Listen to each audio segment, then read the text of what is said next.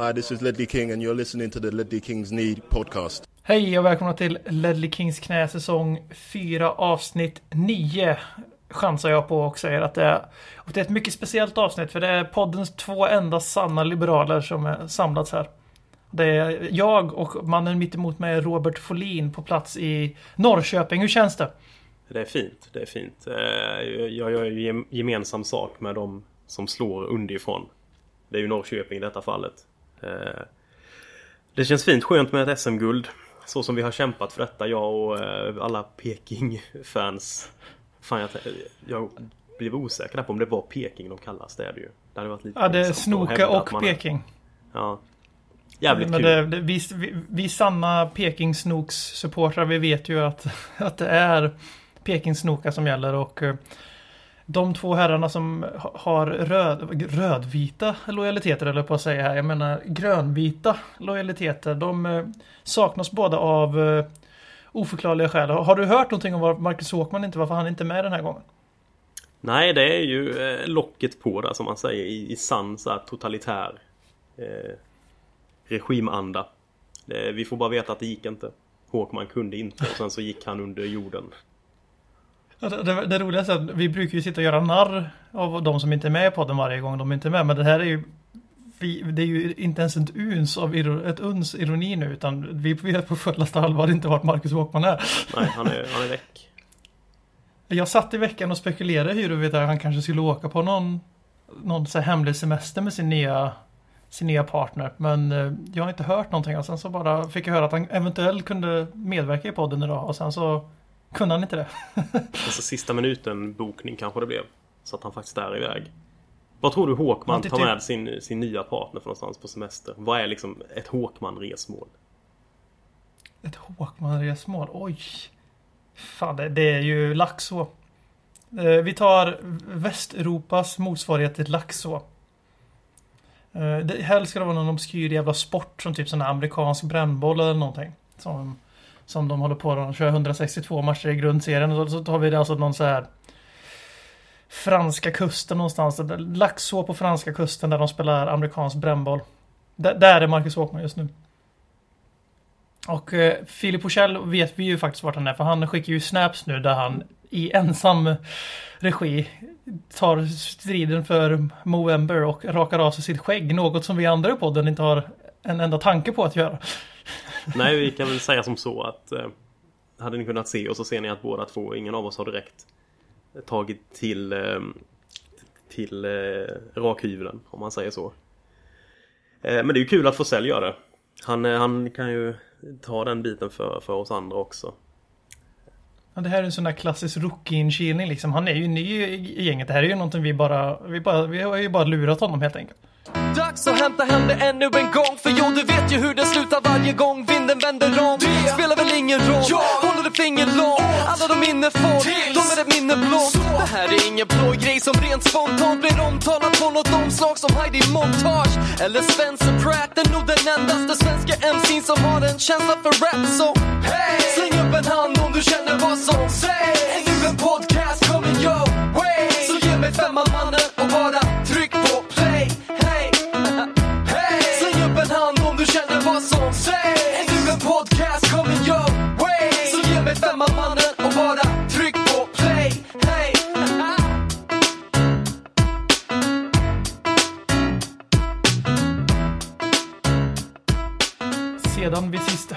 så har eh, en match gått av stapeln i den enda serien som finns, nämligen Tottenham League. Den enda liga på jorden som BM bryr sig om i alla fall. Och eh, du kan ju få äran då att berätta, återge den första minuten i matchen mot Bournemouth. För jag satt på O'Learys i Göteborg och fick inte till att se på en skärm förrän det hade gått ungefär 65 sekunder av matchen. Till min fasa så står det redan 1-0 på tavlan. Då. Vad hände? Eh, det var ju den gamla Tottenham Tottenham-legenden eh, Som jag nu fan tappar namnet på. Eh, Vänsterbacken i Bournemouth Som fan heter han? Charles Daniels heter han. Någonting. Jag trodde, du, jag trodde du skulle göra en riktigt skruvad, äh, riktigt skruvat angrepp på Danny Rose där. Som, som pratade om honom som att han var död. Jag, äh, Nej nej Bournemouths eh, vänsterback. Heter han Charlie Daniels heter han tror jag. Han är gammal Tottenham-produkt. Han löpte, han drog fram på vänsterkanten Som en Gareth Bale i toppform och slog ett inlägg. Som Danny Rose sket i att nicka undan så bollen föll till, eh, det var väl Richie i Bournemouth Ja, som det- fick bollen det- och Richie var- in det var- 1-0. Ehm, Ja, Jag vet att Windy Coys på Twitter gjorde ett stort nummer av att det var Christian Eriksens fel för han borde tagit rygg på Richie i sin löpning bla bla Mm. bla bla bla. Ja, Men, jag eh, såg den också. och Han har väl en poäng i det, Windy, att, att Eriksen inte följer med hem så mycket som han borde göra. Men å andra sidan så tycker jag bollen är så pass nära Rose vid det inlägget att han borde bara kunna nicka undan den. För det ser nästan ut som att han bara duckar undan bollen. Och det kan ju inte gärna vara en inövad eh, försvarstaktik att jag ska inte nicka undan bollen för att bakom mig ska jag ha en liten dansk som borde ha sprungit ner och täckt. Alltså det kändes som de Ja. hade inte riktigt koll där och det finns, en, det finns definitivt en poäng i att, eh, att Eriksen borde kanske följt med hem lite mer men Tycker ändå fan Du borde kunna hoppa och nicka undan bollen i det här läget. Ja, men det, det kändes ju som då, då när de äntligen eh, efter att eh, O'Learys fired back i det här årslånga Ledley Kings knä vs O'Learys beefet som Marcus Håkman startade på helt egen maskin. Och jag nu fick lida av. Eh, så då kände ju jag där eh, efter- våran WhatsApp där 1-0. Fuck vad gör du där nu? Och så bara slå på till man bara helvete. Säg inte det får inte bli. Det får inte bli. Eh, för vi hade ju slarvat bort poäng mot Swansea. Och det kändes som att eh, vi hade torskat mot Anderlecht framförallt. Pratade ni om? Nej, ni har inte spelat in så vi mot Anderlecht va? Nej, jag tror inte det. Nej, vilka enda vi behöver säga om det är att det var ju eh, ett klassexempel på när man förlorar en match för att man inte bryr sig lika mycket som motståndarna. Mer än så behöver inte sägas. Och då släppa in 1-0 mot Bournemouth första minuten. Då kände jag fan. Nu kommer den här jävla käftsmällen som vi har väntat på hela hösten. När det har gått lite. Det är lite för trevligt att vara Tottenham-supporter just nu. Men eh, det, det, det var inte så länge. Nej, det är ju fortsatt ganska trevligt faktiskt att vara Spurs-fan efter Bournemouth-matchen. Det var ju en fin, fin vändning men också Man får, alltså Bournemouth är ju, de är ju charmigt naiva på något sätt i hur de spelar. De hade ju två ytterbackar som var eh, Det var ju liksom som Tottenham under Harry Redknapp nästan. De skulle bara fram och fram och fram.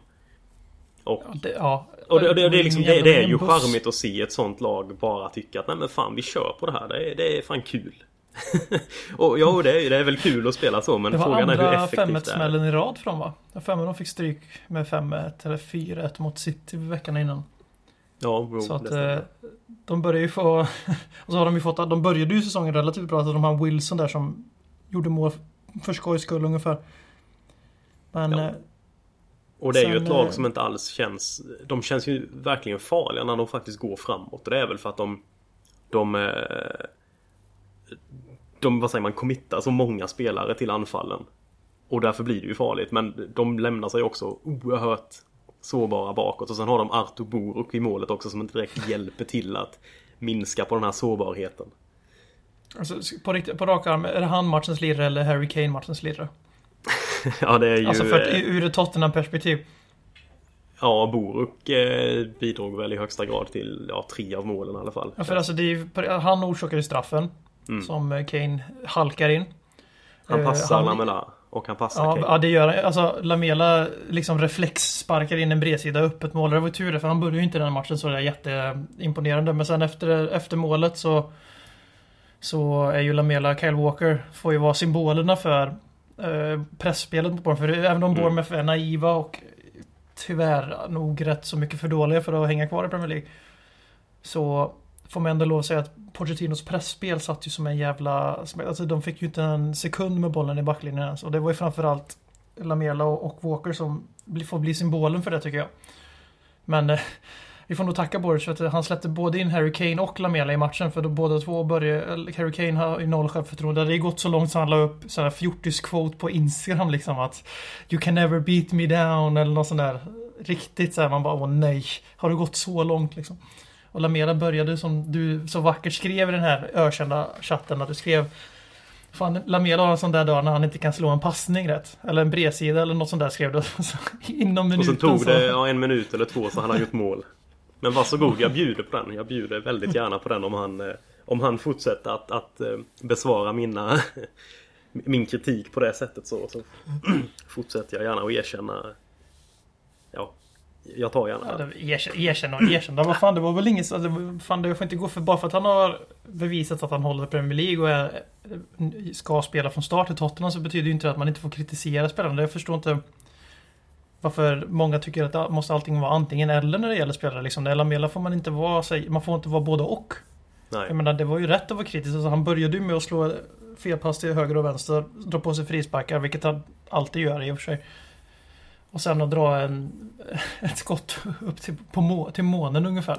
Det var väl den, den vevan du skrev och sen så small det.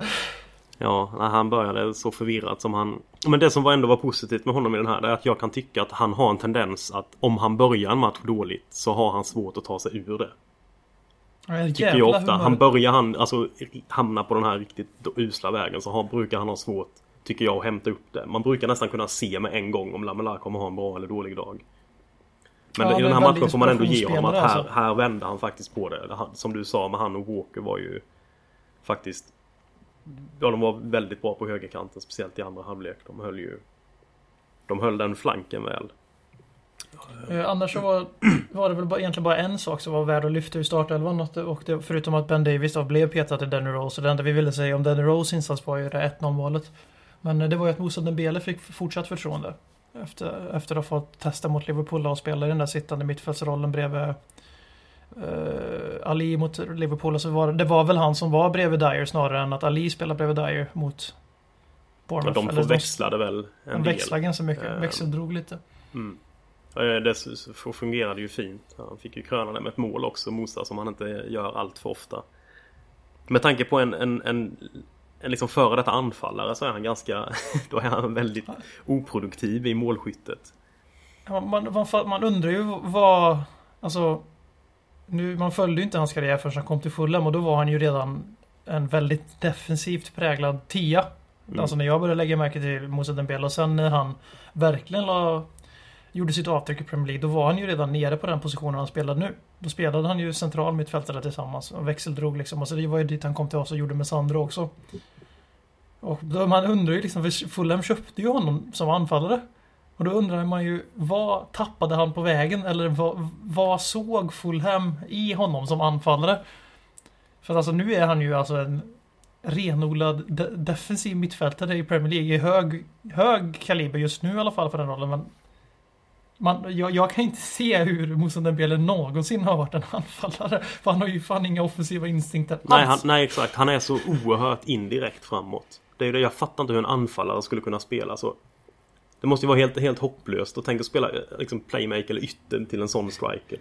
Så du, du frispelar honom och han stannar liksom börjar springa ut mot, si, mot liksom långsidan. Han bara, nej men Mosa, det på kortsidan står målet. Så står han där, håller i bollen, täcker undan den. Och, ni ser inte nu men Folin alltså visar med, med, sina, med sina moves här från den här ökända Tottenham Sweden turneringen där Folin ledde sitt manskap till segern med dessa moves. Eller stod du i mål kanske? Jag kommer inte ihåg riktigt. nej, jag var... Eh, jag var kanske en Mosa. indirekt eh, mittfältare som Mosa Dembele. Jag körde mina Nej, Mosa för- moves i sidled. Nej, Nej, men det är som... för- En, en, Tänk dig eh, Christian Eriksen bakom Moussa Dembele som slår sina djupledsbollar och så bara Mo- Mosa kommer perfekt, i, löper perfekt i luckan, tar bollen, stannar och passar bred- bredsida till, till, till vänsterbacken då. Det är väl närmast. och sen springer han och Stannar, tar, tar vänder tillbaka ryggen bollen. till, passar tillbaks. Nej, det, tänkte det är, jag hade önskat vi får försöka hitta några gamla matcher där Moussa Dembele har spelat anfallare och bara se hur det såg ut. För det kan ju vara liksom comedy gold. Ja, det, vi, det, vi får nästan göra det för att göra en sån här efterlysning som vissa andra poddar gör hela tiden. Som tror att de är David mot Goliat-poddar. Fast de rattas av kvällstidningar. Men eh, det är, eh, jag skulle vilja se, ni kan ju lägga i hashtaggen ett Mosa, Mosa ett on the top, vad fan ska man säga? Mosa on the left går inte att säga. Nej. Mosa on top. ja, det blir, väl- det blir, det blir en så double entendre, så den kör vi. Mosa on top. Så lite svengelska på det. Så kan ni lägga in lite klipp där, ni som, ni som hävdar det någonsin har sett. För jag vet att det finns många som tycker att han ska spela tia. Jag är Mm. inte av den åsikten. Jag tycker inte. Han har ju noll offensiva instinkter så jag vill inte se honom där uppe. Men framförallt inte nu när våran käre dansk eh, var fantastiskt jävla bra mot Bournemouth. Nej, jag tycker det känns som att både eh, Ali och Eriksen är ju ska ju gå före på den platsen. Ja, eller, eller, ja, ja, ja. Ska Och- Dembele spela från start då är det ju bredvid Eric Dyer. Eller inte alls. Alltså vem ska han peta? Eller ja visst, han- kan väl spela vän- vänster i ytter då. För det har vi ju ingen nu uppenbarligen. Så... Townsend får ju inte spela där även om Son och Chadli är skadade. Och vi hellre spelar alltså Christian Eriksen där ute och Musa Dembele som tia på papper. Än att spela Andrews Townsend till vänster. Ja, nej det är, det är märkliga tider. Det är synd om Townsend tycker jag lite. Alltså, han har ju missat hela försäsongen också. Han har ju inte, han har ju kanske inte matchtempot riktigt i sig men... Nej, men jag, jag fattar inte, jag fattar inte varför, han inte varför han inte ens testar honom där. När vi, som, när vi leder med, mot Bournemouth med 4-1. Alltså släng in Townsend en halvtimme på vänsterkanten. För han är vänsterfotad, han är, han är direkt. Och vi har ändå en ganska målfarlig boxanfallare som gör rätt så mycket mål. Alltså han gör mycket mål i boxen också. Det är inte som att Harry Kane bara gör mål från 30 meter. Han är inte, ju inte Bale på det sättet. Nej. Och ehm, fick han ens spela någonting mot Bournemouth? Townsend, han var kvar på bänken hela matchen va? Var han inte det? Ja, vad jag kommer ihåg så blev han inte utbytt. Jag satt och jag kommer ihåg att jag ville att Onoma, Onoma skulle få komma in och Mm. lira lite i slutet. Men det fick han inte heller. Men Clinton kom in vet jag. Mason kom in tillbaka från Mm. skada. Det var, det var ju välbehövligt med tanke på att skadelistan börjar se rätt så diger ut. Eh, och sen så bytte vi ut Kyle Walker också så jag tror inte... Ja, Trippier var det mot. Trippier. Så att eh, nej, det blev ingen speltid alls för Townsend. Vilket väl, som sagt, jag tycker det är jävligt konstigt att han inte ens är trea på vänsterkanten om man säger så. Alltså, Ja, jag är enig där. Jag är enig. han, han spelar ju hellre Lamela som vänsterytter och så Townsend till höger, vilket är... Nej, Lamela där snack ute. om att ta fram det sämsta ur båda eh, två spelarna. Så startade vi mot Anderlecht. Jag missade första halvlek, men vilket var ju kul att jag gjorde då. för det var tydligen då vi spelade bra, för det gjorde vi inte i andra halvlek. men för då var det ju Lamela till vänster och Townsend till höger. Mm. Det, det kanske är det som Townsend har som krav. Det kanske står i hans kontrakt att han måste få spela på högerkanten så han kan bryta in och skjuta. Han har ju fan gjort mål så på en gång när han spelade i England så det måste han ju pröva. Han, måste, han vill ha det, mom- det momentet igen. Han vill få uppleva den känslan Han- av att... Pochettino försöker få en sån här trophy på Playstation eller Xbox, en achievement. så Townsend scores for England achievement. Så. Och så, står det beskrivning så här. Have play, as playing as Andros Townsend, cut in from the right and shoot in the top corner. Inte Men, av eh, läktaren då utan av Vi målet. har ju inte nämnt den, vi måste prata om det. Harry Kane, hattrick. Mm. Killen var ju slut. Ja, ja. Men detta är kanske sista valsen nu. En, ett sista desperat försök till comeback. Sista dödsryckningen ja. Ja, Han splattrade till en, han sprattrade, sprattade sista till gång. en gång före. Men eh, hur, skönt var det, hur skönt var det när islossningen kom för Kane? Det var ju inte direkt de svåraste målen han har gjort i sin karriär. Nej Ett men det är ju skitsamma fint. egentligen. Det tror jag inte han bryr sig så mycket om heller. Det är bara att få göra mål. Det såg man ju på honom också efter matchen och det här när han snackade om... Det märkte man ju rätt tydligt i intervjuerna efter att han har blivit tyngd av att inte gjort mål. Det har väl inte snackats... Alltså Ja. i, innan så har det ju varit snack om att det är poängen för laget och Pochettino har sagt att han är nyttig för, för oss ändå. Och det handlar inte bara om att göra mål. Men man märkte ju det på honom efter matchen att han verkligen hade brytt sig om detta. Alltså, och det- och det fattar man ju också men det, det, det lät Han försökte ju inte dölja det ens. Nej, verk, verkligen inte. Och det var likadant. Pochettino var ju väldigt öppen att det var, väldigt, att det var viktigt för, för Kane att få göra mål. Att han, hade, att han förmodligen hade lärt sig väldigt mycket av den här måltorkan. då, För det är första motgången han har sen, ja, sen, sen han blev på riktigt. Det har ju gått som ett jävla... Alltså det har ju varit som en dröm sen han eh, gjorde det där målet mot Aston Villa. Vill jag minnas. Frisparken. Mm. Där det var ju det liksom där det verkligen tog fart. I oktober förra året. Och Mm. Han har spelat alltså 74 matcher sen, eh, sen den matchen. Såg jag någon sån här Sky-bild. Och han har i alla tävlingar för landslag och klubb. 74 matcher på mindre än en säsong kan man Det säga. är sinnessjukt Det är- mycket matcher. Det säger ju en del om hur mycket matcher vi spelar i Tottenham. Vi Ja. har ju en tendens att maximera antalet matcher men inte få hem någon jävla trofé. Vilket är jävligt trist alltså. Vi siktar på det. Vi vill maximera antalet matcher Ja, så som, gott det går. Men Ju mer matcher desto bättre. Mer mer valuta för, för pengarna. För, för den jag lever då, för ju mer matcher desto mer inkomst. Um, var det Ja. något mer du fastnade vid mot Bournemouth? Förutom uh, våran teori där. Med stadens svunne son som eh, tittade in från en VIP-box. och Rednap satt ju där uppe på... Eh, det var väl antagligen finläktaren för han hade väl någon... Eh, eh, någon sån... Vad säger man? Kallar man det för. Loge. Säger man loge? Ja, ja, det säger man nog. Eh, precis bakom sig. För det såg man ju på slutet av matchen när de... När kamerorna eh, vändes tillbaka mot Redknapp, då var han inte kvar på... Inne på läktaren längre. Då hade han gått in och stod och tittade på, det var väl, var det Chelsea som spelade? Japp. Då stod Harry där inne.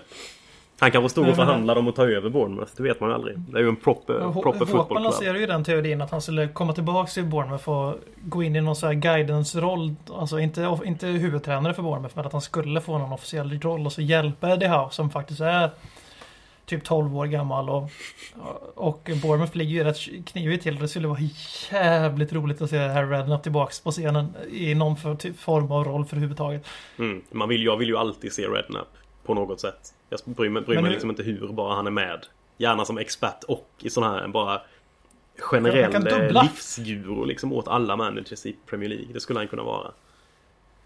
För, men jag tänkte för det, den tanken var jag väldigt såld på men sen så öppnades ju upp en vakans i Aston Villa. Och då kände jag att nu finns det ju Fan, det finns ju riktigt läge här att återförena Harry med sin största adep- adept. Men det kan vi liksom, det kan vi prata mer om i nästa segment kanske. Du tänker Tony Parks eller? Ja, precis. Ja, nej det... Ja. Eh, för några dagar sedan så gjorde Aston Villa ett ödesdigert misstag som kommer bli det strå som knäcker kamelens rygg och kommer bli det tillfälle då New Manchester Effect inte kommer ha effekt mot Dr. Tottenham eftersom, Tot- eftersom Aston Villa sparkar Tottenham-legendaren Tim Sherwood.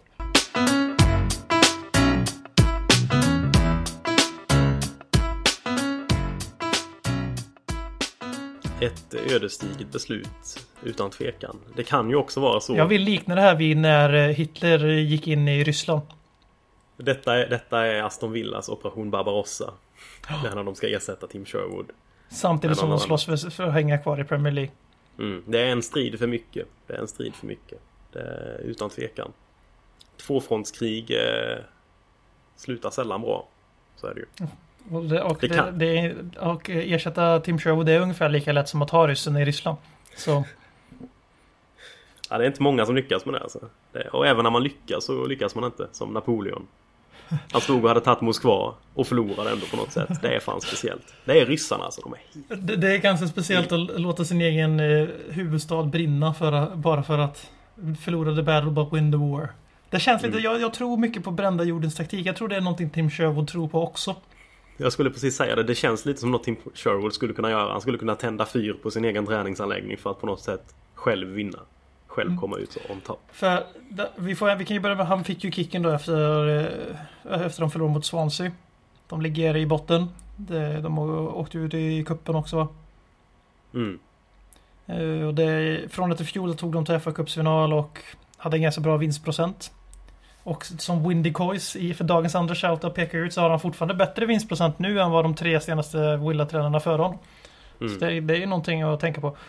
Men eh, det är alltså Harry Kane, Danny Rose, eh, landsförrädaren Jack Grealish och eh, även lagkapten Mikael Richards har varit ute och svingat i teams favör. Om att han är en väldigt bra tränare. Och vad, vad märker vi för genomgående trend där? Eh, ja, vilka sa du? Danny Rose, Michael Richards? Ha- Harry Kane och Jack Grealish. Ja, det är Young Good Lads. Det kanske Richards inte är så ung längre. Nej men alltså Det nej, det, nej, nej men han är lagkaptenen tänkte jag på sen. Därför han fick Ja. vara med bland de andra tre. Nej för Nej, att, men det- Är det att eh, de, de som kommer från öarna gillar Sherwood? Nej, jag, jag, det här är inte ett, ett, ett BM-försök att eh, Jaha, jag trodde du hade ett svar fotboll. som du förväntade dig att jag skulle ge dig. Så jag kände fan, jag har ingen aning om vad de gemensamt är. Dåligt Nej, det var en helt- positionsspel. Ja. Det var en öppen fråga. Ehm, nej, det är ju... eh, alltså, det är ju lätt. Det är klart att Villa har gjort det jävligt dåligt. De har ju spelat förbannat dåligt den här säsongen. Och de har väl fyra poäng eller någonting på de här första tio matcherna. Ja, de vann väl första matchen och sen så har de inte vunnit sen dess. Nej, och det är ju klart att det inte är speciellt imponerande. Um, sen samtidigt så, ja. Förra året så är det väl utan tvekan så att han räddade dem ett ganska prekärt läge. Sherwood. Alltså hans energi och det som kom någonting in gjorde då. han i alla fall uppenbarligen. För den omställningen, alltså nog för att Aston Villa ha- hade en för bra trupp och fortfarande har en för bra trupp på papper för att åka ur tycker jag. Fast det, fan, det är svårt att säga så eftersom Newcastle, Sunderland och Aston Villa skulle kunna ha el- 11 Gareth Bale så ändå var där nere känns det som nu för tiden. Men jag tror 11 Gareth Bales i ett och samma lag skulle vara ganska ineffektivt också. Men att det, någonting gjorde han ju. Det spelar ingen roll hur, hur jävla anti Tim Sherwood man är. Så får man bara, det är bara ner på knä och tacka Tim för att någonting, han gjorde någonting. Och framförallt då cupäventyret som även om han hoppar på mitt i cupspelet så tog han dem ändå till final. Och det är inte så jävla lätt att gå till final i cuper som Tottenham kärt vet om. Nej, det har vi fått lära oss senaste åren att det, det, det, det lite för sällan. Men han... Eh, han det tappades ju mycket spelare med i Villa i, i somras. Alltså Delf, Benteke och Ron Flair har ju varit skadad länge. Det är hela centralstommen där.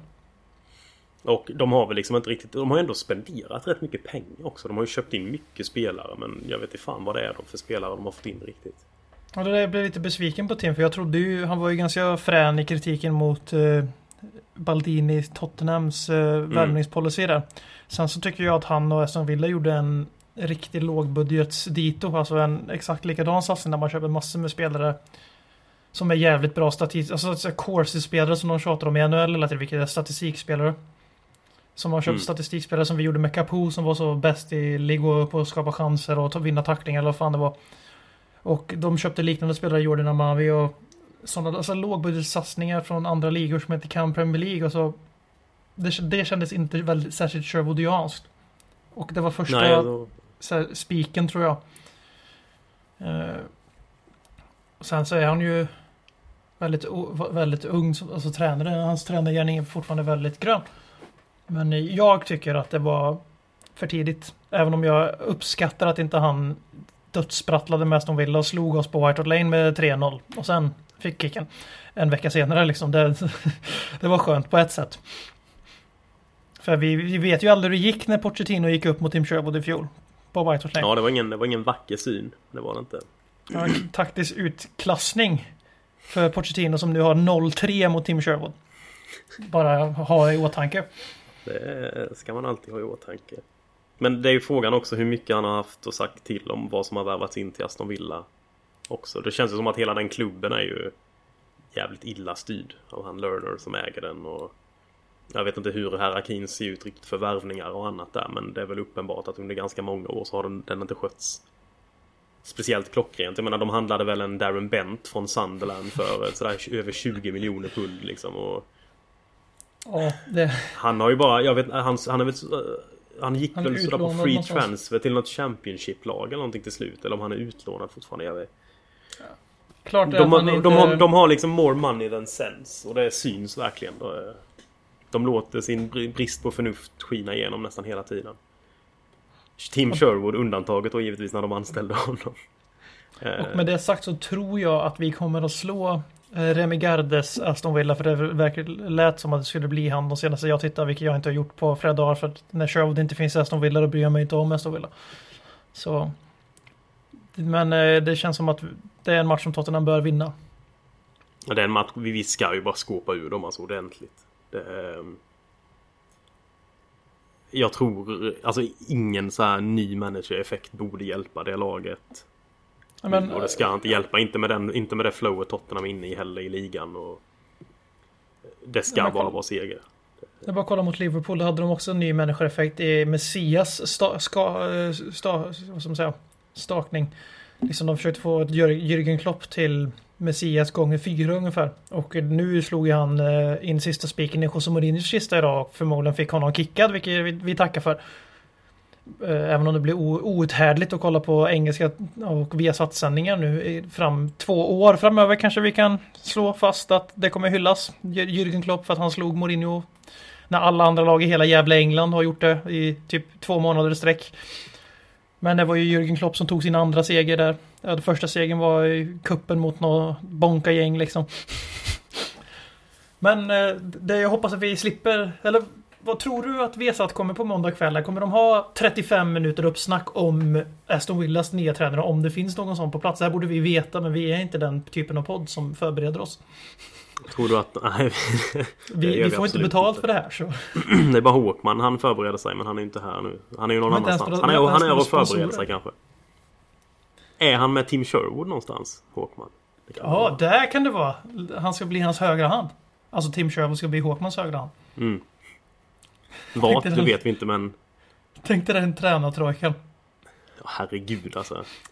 Jag tänker att vara en ytterback där som har misskött Marcus sig. Håkman, Tim Fy Sherwood fan. och eh, Lee Cattermole. Spelande tränare i Sunderland. Nu har de ju tyvärr redan Big Sam på plats, men vad fan var frågan? Om Viasat skulle ha 30 minuters förbered... Eller... Ja, alltså, eh, Pre-game talk om... Eh, om Villas nya tränare. Det, det tvivlar jag ju starkt på. Att de kommer ha. och Det beror kanske på om den halvtid- nya tränaren där går ut i Birmingham och dricker öl med fansen och skriker åt bilar. Det, Ja. det var ju tydligen det som gjorde att man var sjukt häftig i Liverpool. Det låter ju för sig ganska så Liverpoolianskt. Vilket jävla ord. Men att man dricker öl och skriker på bilar, det är väl liksom... Han verkar han passa väldigt, bra det där känns Klopp. väldigt... eh, det känns väldigt Liverpool. Det finns ju, vad fan är de? Scousers. Mm. Nej, men eh, det känns som att vi har satt eh, kommer inte lägga 99% av sändningen på att hylla Remy Gard eller vad fan det nu kan bli. Men däremot så känns det som att det kan bli en härlig, härlig storseger på White Hart Lane. Eller hur? Vi, här, vi jinxar ju inte här. Inte alls, inte alls. Kvällsmatch också. Tänk vad bra det kan bli. Jävla stämning och... Hattrick igen av Kane. Och, ah.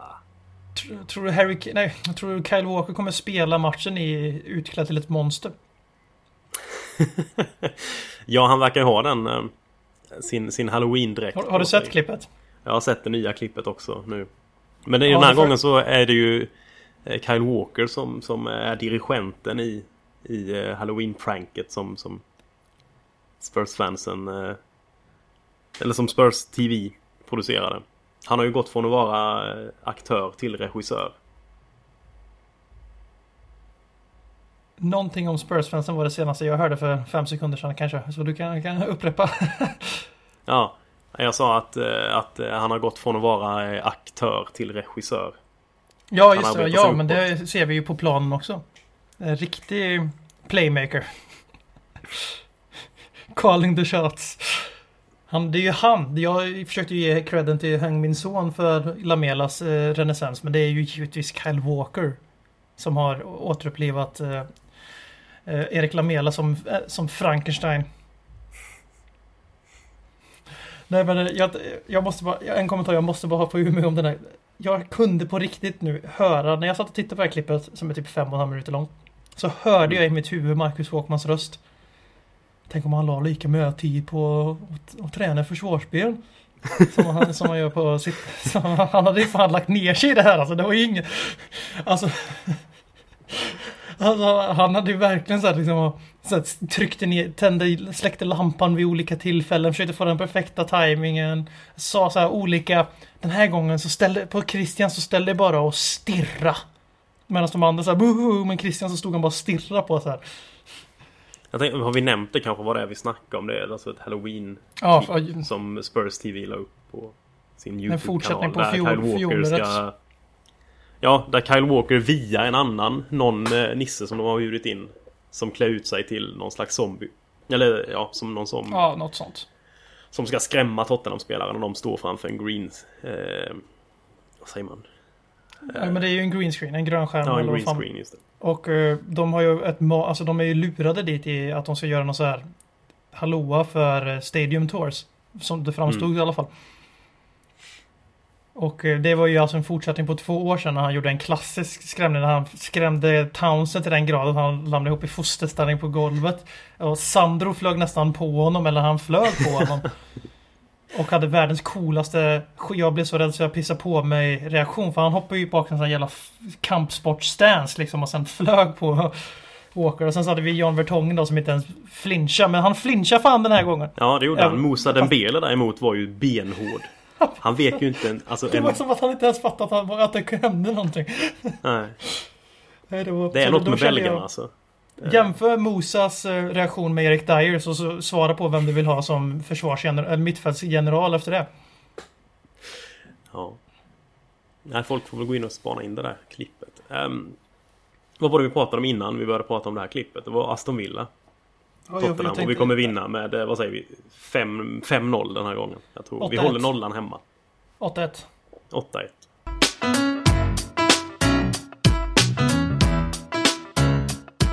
Ja, i sann ära nu när Hockeypodden återvänder så och vi ser här nu att eh, omgång eh, 27 av 800 i svenska Hockey League ska snart gå av stapeln så vi måste rappa igenom avsnittet här så vi kan sitta och kolla på Filip Forssells Snapchat videos om öldrickande på diverse lantkrogar i Sverige.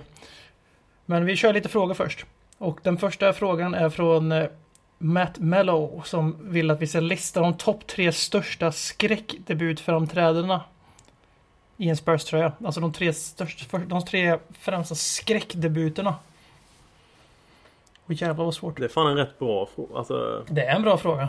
Kommer du ihåg någon jag på har rak arm som har varit. Har vi, riktigt dålig sin har, vi debut? ens, har vi något som ens liknar Woodgate när han gjorde debut i Real Madrid? Liksom? Det finns kanske inte någonstans för vissa. Självmålar ett kort var det va? Ja. Mm. Först var han skadad i ett år, sen fick han väl spela och då blev han utvisad. Och...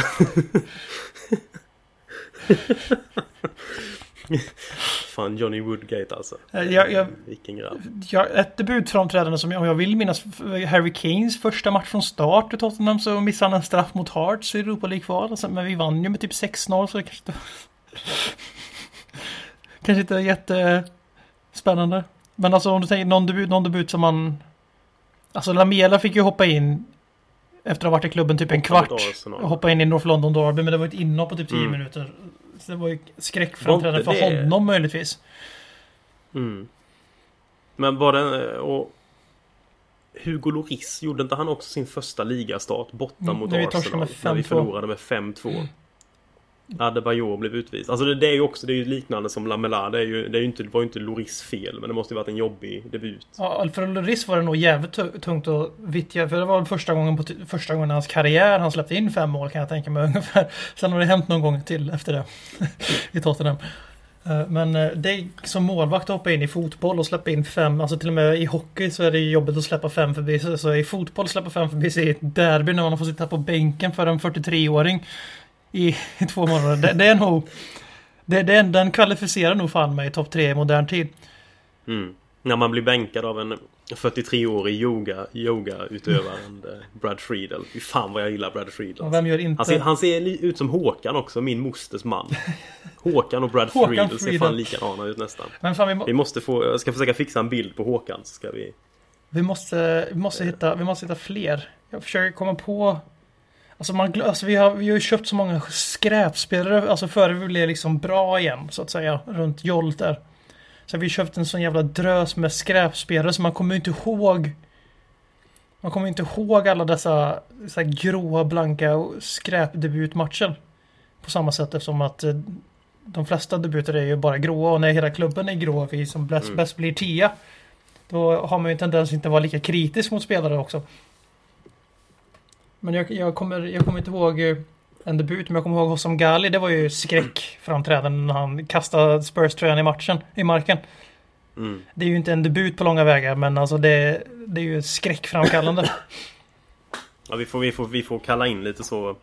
Vi, får- vi får modifiera Mats förfrågan lite och bara ta skräckframträdanden, kanske inte bara debuter. Men det var väl också en match där eh, Gali blev inbytt och sen utbytt. ja, Det var därför han slängde tröjan. Jag tror han blev inbytt i första halvlek. På grund av en skada och sen så blev han utbytt kring sådär 60-70 minuten. Jag tror han gjorde cirka 40 minuter eller något. och sen om det var någon, Och sen blev det väl ingen...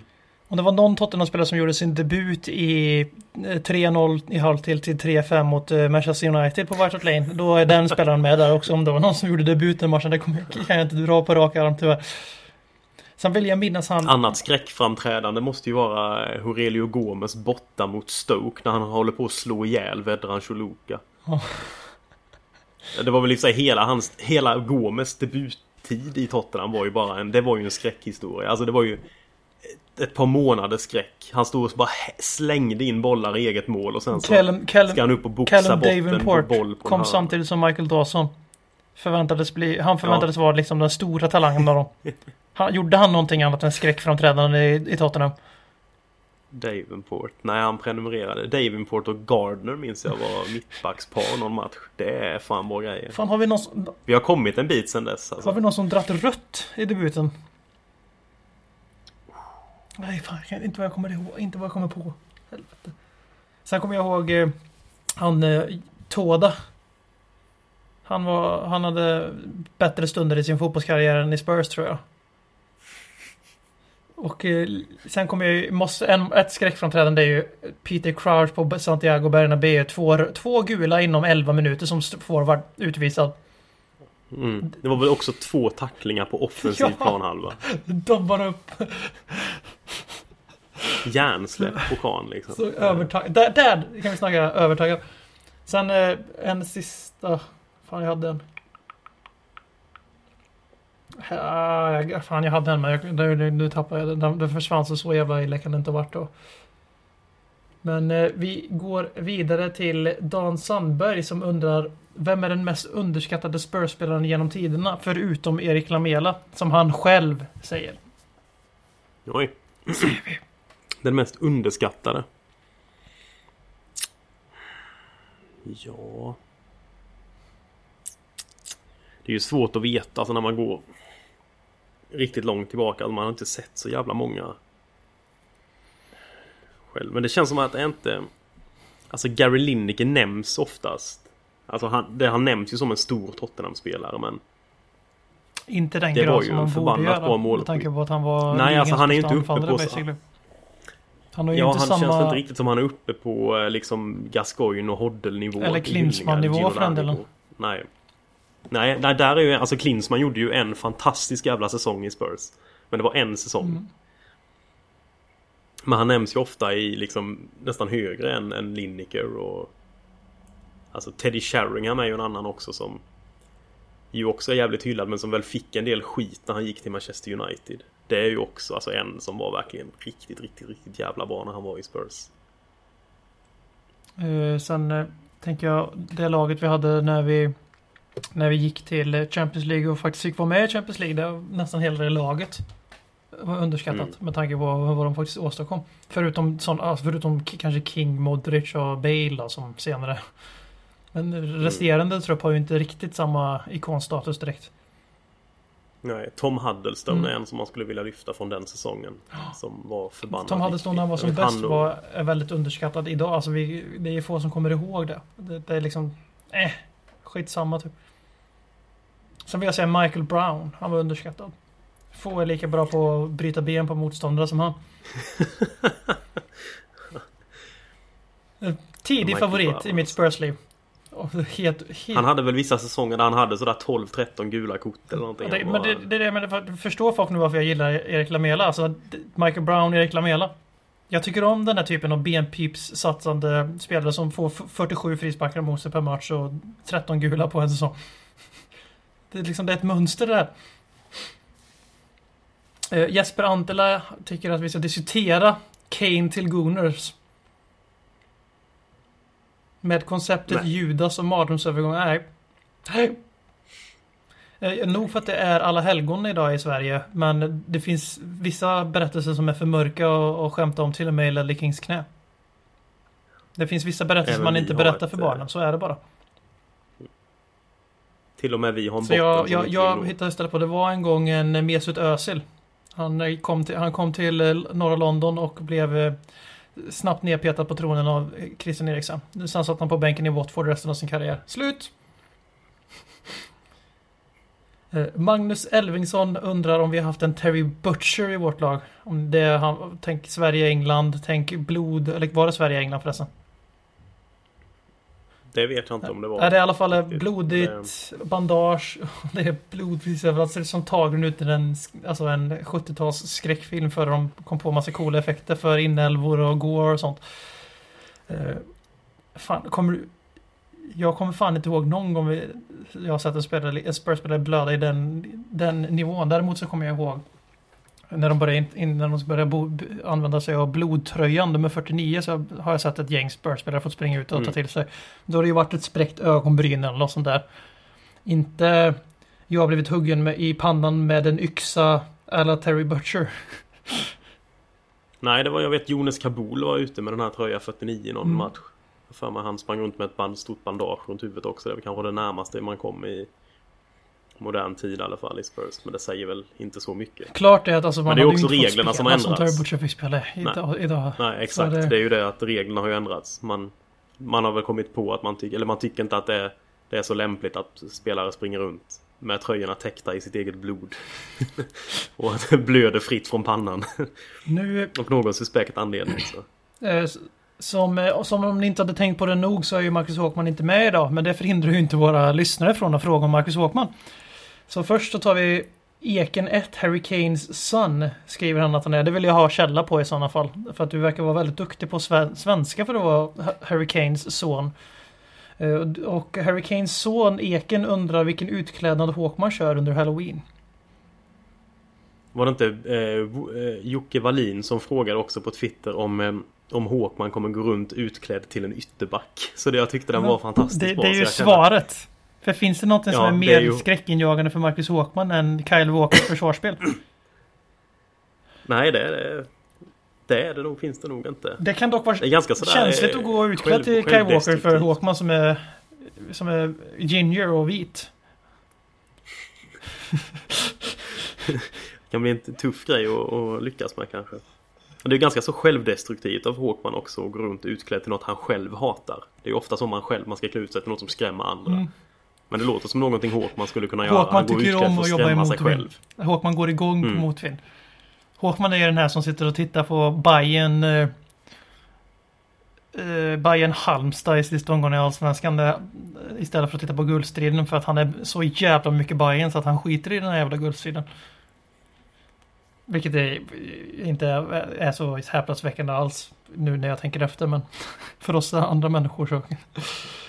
Eh, sen eh, Niklas Flemström försöker också se på ett riktigt jävla skräckscenario här och han hävdar att Ledley King kommer ut som Arsenal-fan och vad händer då? Och då säger vi igen att vissa sagor är för hemska för att berättas även i, i våran podcast. Mm. Nej, det är sådana saker ska man inte prata om. Ledley är ju Ledley och... Men det är lite som Voldemort är Ha- Harry Potter. Man liksom säger inte namnet. Alltså det li- blir bara kaos. Mm.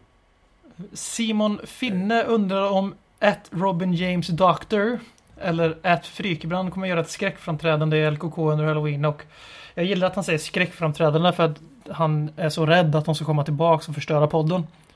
Som nu äntligen är fri från dessa herrar. Men som det ser ut nu med rättigheter och kontraktsförhandlingar så kommer väl eh, det aldrig mer bli en podcast med någon av dessa herrar. Vi, vi har ju också sådär, Frykebrand har ju ett visst krav på skumpa som ska levereras som han ska medverka i och det hade ju riskerat hela Håkmans budget. Ja, och sen så är det ju sen Så det är lite så, antingen kan vi köpa skumpa till ett program för Frykebrand, att han kan vara med eller så kan vi betala Håkman för två säsonger ungefär. Ja, och det, sen är det ju också Dronesville och Håkman har ju samma relation som eh, som jag utgår ifrån att eh, Ryan Giggs och hans bror har. Så säger vi inte mer om det, vi lämnar det där. Uh, Herr Holmén undrar om Son Heung-min, om han är död eller levande. Och eh, ja, eftersom vi såg det här Halloween-klippet så kan vi säga med säkerhet att han levde fram tills Kyle Walker skrämde honom. Efter det så är det 50-50. Ja, det är oklart. Det sista vi hörde från, från Son var Åh! Så, så var det inget mer. Karl Eriksson tar tillbaka sig till fotboll och undrar om Folin tycker att Dembele ska behålla sin plats nu när eh, Mason och Bentaleb med flera är på väg tillbaks. Det tycker jag absolut han ska göra.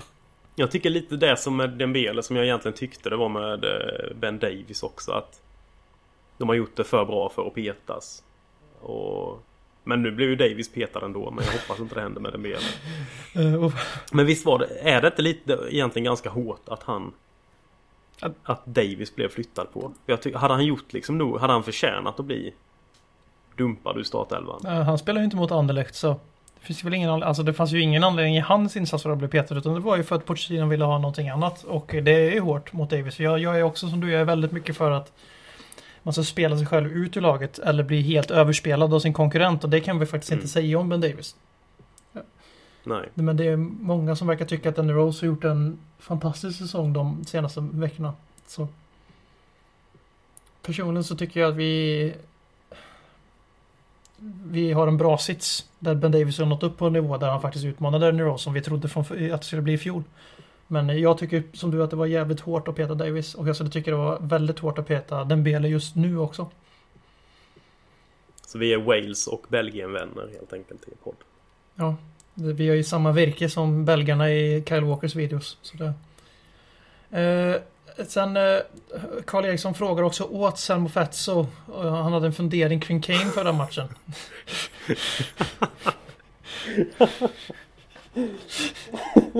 Det är så jävla Ja, nu internt tänkte jag på alltså. Det är så Sam internt. Fatsos fantastiska... Eh, Stående fråga.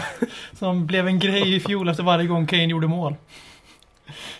ja, Eh, Ska vi, Vi- ska vi, tolka, ska vi tolka det som att Sam Fetso tycker Harry Kane är jävligt ful och är skeptisk till hans eh, romantiska prowess?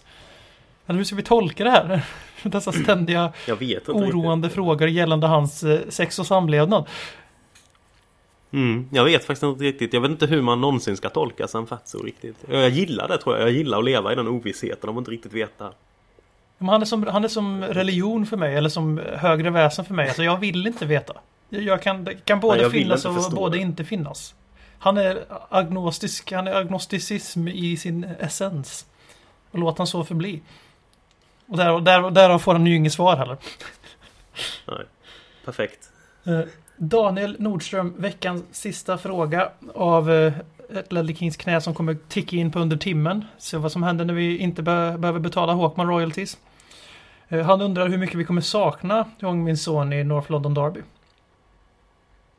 Oj du, det kan vi fan... Det, det det, kan vi spinna av i någon minut. November. Ser ganska hård ut på papper. Det är, jag skrev det till Johan Sjöström, eh, THSS-ordföranden, att det var 18 poäng idag. Han listade upp alla matcher som kom i, eh, i november och det är väl Arsenal, Chelsea, eh, ja, det är Anderlecht igen och ett gäng andra matcher. Men det är alltså det är klart. West Ham också, det är finns väl- tre- Det är tre London Ja, det är derbyn i toppderbyn då får vi lov att säga. Mm. Eh, Säger jag samtidigt som West Ham ligger under mot Watford i paus, men ja, ja. Ja men det är nu i november då Villa, Anderlecht, Arsenal, West Ham, Karabag och Chelsea. Mm, Och vi har ju satt... Där Chelsea och West Ham är hemma också. Så jävla... Alltså det är en... Okej, det är en del tuffa matcher men det ska kunna bli en del. Det är bara tuffa matcher. de matcherna. Men så är det ju. Alltså det finns inga lätta matcher. Det är en jävla klyscha. Alltså men West Ham i ett derby är alltid tufft. Framförallt nu när de har en förmåga att höja sig mot topplagen. Och vi är ett topplag hur mycket vi än vi inte vill erkänna det. Eh, sen eh, Arsenal, eh, Arsenal, North London Derby, North London Derby. Och så länge det inte är som i League-cupen sist. För då tror jag jag exploderar. Eh, de fick en jävla massa skador när de åkte ut med 3-0 mot Sheffield i ligacupen som, som eh, Vad, vad sa du att det blev? Vad sa du att det blev? 3-0 Ja, till Sheffield. ja, okej, ja. Alltså 3-0 till Sheffield ifall ni inte hörde. Eh, och eh, Chelsea som kommer att ha sparkat José Mourinho och har tagit in Tim Sherwood blir ju inte blir ju månadens svåraste match. Eller tror du Avram Grant kommer tillbaka? Abraham Grant, Där kan vi snacka skräckframträdande. Eh, Bara genom att han ser ut ungefär, i ansiktet ser han ut ungefär som jag skulle tänka mig en modern tappning av Frankenstein skulle göra. Alltså Frankensteins monster.